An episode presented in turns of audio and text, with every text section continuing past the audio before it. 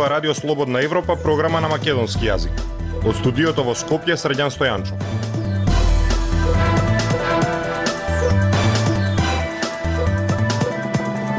Ја слушате емисијата на Радио Слободна Европа, почитувани. Во неа објавуваме.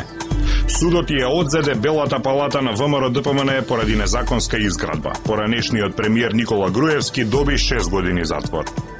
Самит на Опен Балкан во Охрид, заеднички против кризата со храна и енергенси. Македонија тапка во место во прифаќањето на ЛГБТ луѓето. Слушајте не. Независни вести и анализи за иднината на Македонија. На Радио Слободна Европа и слободнаевропа.мк. Судот пресуди да и се одземе Белата палата на ВМРО ДПМН и 30 на други партиски штабови низ државата. Поранешниот премиер и партиски лидер Никола Груевски и партискиот генерален секретар Кирил Божиновски се осудени за незаконска изградба на новото партиско седиште, одлучи денеска кривичниот суд во предметот Талир 2. Груевски доби 6 години затвора, Божиновски 2 години условно. Деталите ги има Зорана Гаджовска-Спасовска. Неокласичниот дворец со 8 ката плюс спорна тераса, каде што сега е сместена политичката партија ВМРО ДПМН, ќе биде конфискуван од државата поради незаконска изградба. Пресече денеска основниот суд Скопје 1 со пресудата за предметот на поранешното специјално обвинителство Талир 2. Судот му одреди казна затвор од 6 години на прво обвинетиот поранешен премиер кој е во бегство Никола Груевски, додека на второ обвинетиот поранешен генерален секретар на ВМРО ДПМН Кирил Божиновски му одреди условна казна затвор од 2 години. Тие се прогласени за виновни за тоа што незаконски со злоупотреба на положба за партијата ВМРО ДПМН е прибавила нов објект вреден 7 милиони евра и дополнителни 2 милиони евра со кои купиле дополнително недвижен имот. Судиката Даниела Алексовска Стојановска по пресудата порача дека во конкретниот случај обвинетите како одговорни лица од највисок ранг во политичката партија се издигнале над законот. Тесно партиските личните интереси биле водечки мотив за действијата кои во конкретниот случај ги преземале прво обвинетиот Никола Груевски како председател и второ обвинетиот Кирил Божин. Божиновски како генерален секретар на политичката партија ВМРО ДПМН, уривајќи ги на тој начин темелните вредности на една правна и демократска држава. Но со самата судска разрешница на овој предмет, судот испраќа порака до целокупната јавност дека во оваа демократска држава сите се еднакви пред законот, Таа додаде дека не помалку битна е пораката дека никој не може да ја задржи непосредната и посредната имотна корис со извршување на кривично дело. Пораката е јасна дека во иднина ниту едно одговорно лице во политичка партија или други структури на државата не треба да се усмели да стори вакво или слично кривично дело. Во конфискацијата на имотот на партијата спаѓаат и околу 30 на други штабови. Судиката објасни дека од доказите според неја е очигледно дека прво обвинетиот Груевски е искористил состојбата на зависност на правното лице Бетон која е имало кон политичката партија на власт во МРО ДПМН затоа што вкупно 75% од приходите на Бетон доаѓале од услуги кои ги извршувале за државните и општинските органи со склучување на тендерски договори. Груевски со искористување на оваа состојба го склучил договорот за изградба на новото партиско седиште без да води сметка за цената на чинењето на објектот. Дополнително таа објасни дека доказите е јасно дека Бетон немал финансиски интерес ниту остварил финансиски бенефит од договорот затоа што бил ставен во нерамноправна положба, а хотелот кој што требало да го изгради се уште не е готов. Правната застапничка на политичката партија ВМРО ДПМН е Ружица Николовска во случајот Талер 2 по изрекувањето на пресудата. Изјави дека целата постапка имала интенција исклучиво кон имотот на партијата. Доколку постојат било какви действија и утврдена вина како што тоа судот денеска го стори, тогаш можело да се конфискува и личен имот на обвинетите лица. Овој имот на политичката партија ВМРО ДПМН не може да се толкува дека целиот е заслуга на само две лица. Напротив, во таа политичка партија има многу други луѓе кои што допринеле за создавање на тој имот. Обвинителот Љубомир Лапе по пресудата изјави дека обвинителството е задоволно од пресудата. Слободна Европа Следете на на Facebook, Twitter и YouTube. Регионот заедно ќе се справува со економската криза и недостигот на храна и енергија, порачаа лидерите на Македонија, Србија и Албанија на самитот на Опен Балкан во Охрид. Беа подпишани договори за меѓусебно признавање дипломи и за соработка во културата, туризмот и даночните управи. Како гости присуствува и премиерот на Црнагора и српски представник од Босна и Херцеговина, иако нивните земји не се членки на иницијативата. Од Охрид се јавува Пелагија Стојанчова. Заедничко справување со недостатокот на храна и енергија е прашање на кое ќе се посветат лидерите на Отворен Балкан. На самитот нова регионална иницијатива што содржа во Охрид, освен зимните иницијатори Македонија, Србија Албанија, учествува и представници на Црнагора и на Босна и Херцеговина. Заедничките групи кои ќе работат на справување со енергетската и кризата со храна, прв ја спомена председателот на Србија Александар Вучич, кој рече дека регионот мора да најде начин да ја преброди престојната зима.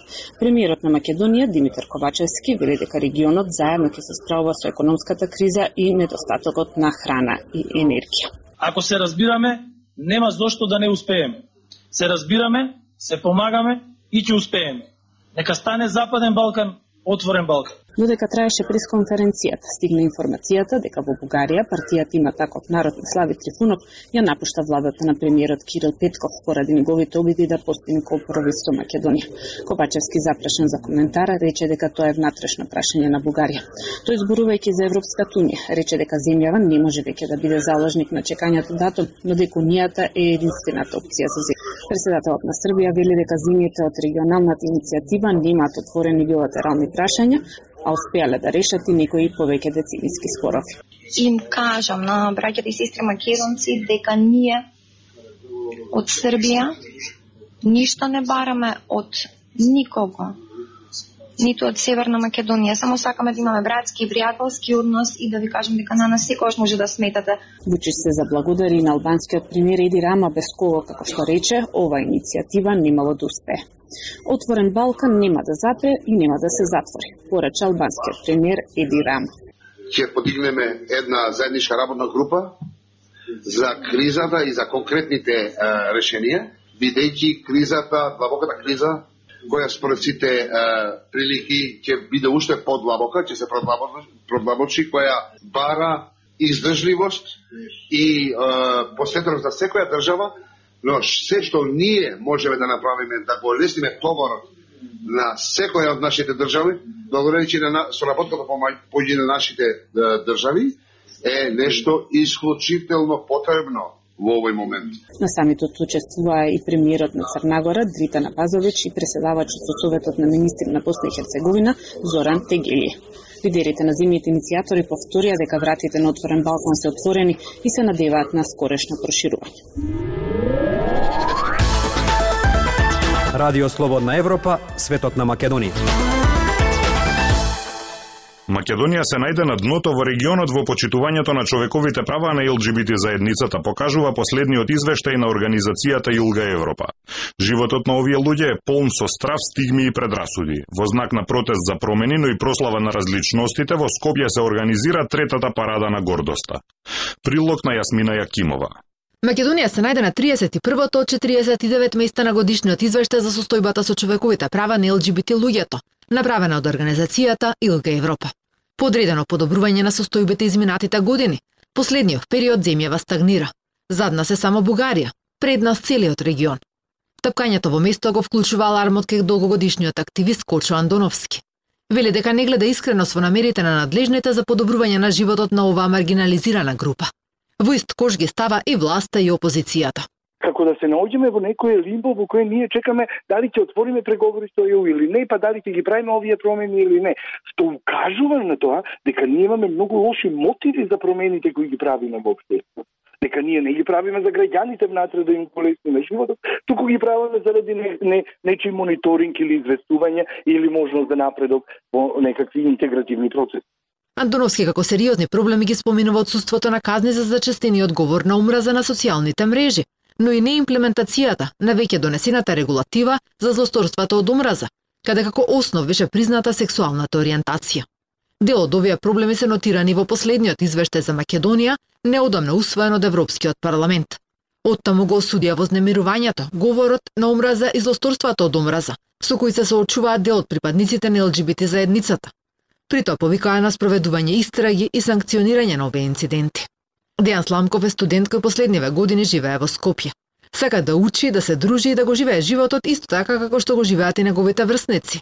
Ама кога е во јавност и ќе покаже емоции, дури и тоа да е обично држање за рака, вели дека редовно е мета на вербални напади и закани. Само поради тоа што има партнер, а не партнерка. Би рекол да луѓето си ја гледат својата работа. Да не се замара со луѓе кои немаат никаква врска со нив. Едноставно јас дали сум геј или не, нема никакво влијание врз секојдневниот живот на рандом човек на улица. Сите сме луѓе и постоја само една подоба, добри и лоши. Друго нема. Ни религија, ни сексуална определба, нити пак националност. Незагрозените честопати завршуваат на улица, па бараат помош во сигурната куќа за ЛГБТ лица во Скопје. Зивана Костовска, социјална работничка и менаџерка на куќата. Не е изненадување тоа што сме на дното на регионот во почитувањето на правата ке ЛГБТ лицата најдоминантната да причина поради за барање сместување е претрпено семејно и родово базирано насилство. Родителите подознавање на нивната сексуална ориентација или кога децата ќе се аутира, едноставно не ги прифаќаат и им велат да се заменат од дома. Со цел да се зголеми свеста за потребата од еднакви права за ЛГБТ луѓето, на 25 јуни во Скопје ќе се одржи третата парада на гордост. На неа присутни ќе бидат и Андоновски и Сламков, за да ја прослават различноста, но и да протестираат за исти права. Култура и уметност на Радио Слободна Европа. Стрипови на седум домашни автори од повеќе генерации работени по мотивите на современи македонски писатели или во комплетно авторство, цртеш и текст од 7 до 16 јуни се изложени во галеријата на Младинскиот културен центар во Скопје. Поставката е насловена Цртање приказни. Повеќе од прилогот на Љупчо Јолевски.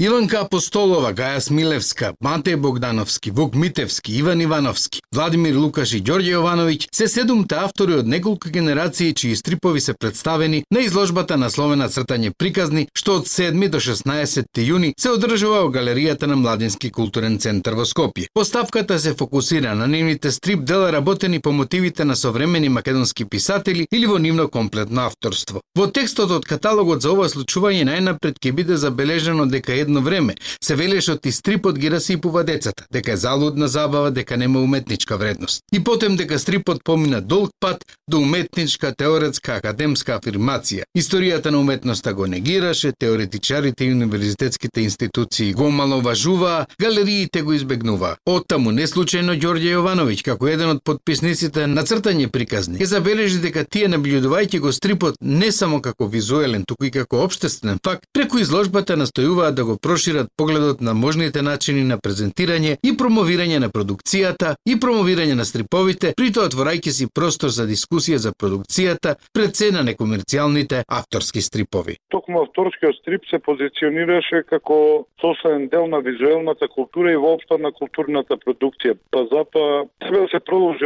да се афирмира и да се подига на неговата свест не само за уметничките, туку и за комуникацијските и едукативните потенцијали потенцијали. Освен неспорниот формален уметнички квалитет на цртежот, колажот или фотографијата, инкорпорирани во стрипот, стрипот се гледа првенствено како исклучително убедлив збир на визуелни и вербални знаци, кои својата магична привлечност се должат на начинот на кој тие на кој ја раскажуваат приказна. Вели Јовановиќ. А Иванка Апостолова, откако ќе забележи дека нејзина вистина е драго што е учесник на оваа изложба со другите генерацијски различни македонски автори, истакнува дека таа овде се представува со изложба во изложба, со дигитално резиме на нејзините селектирани најдобри кратки наративни стрипови, изработени во колаш техника по периодот од 1997 до 2020 година, односно со фрагменти како некакви квази стикери облепени на зидот околу мониторот. Се подигрувам со квази автобиографски рефлекси или пак инспирирани адаптации од различни извори,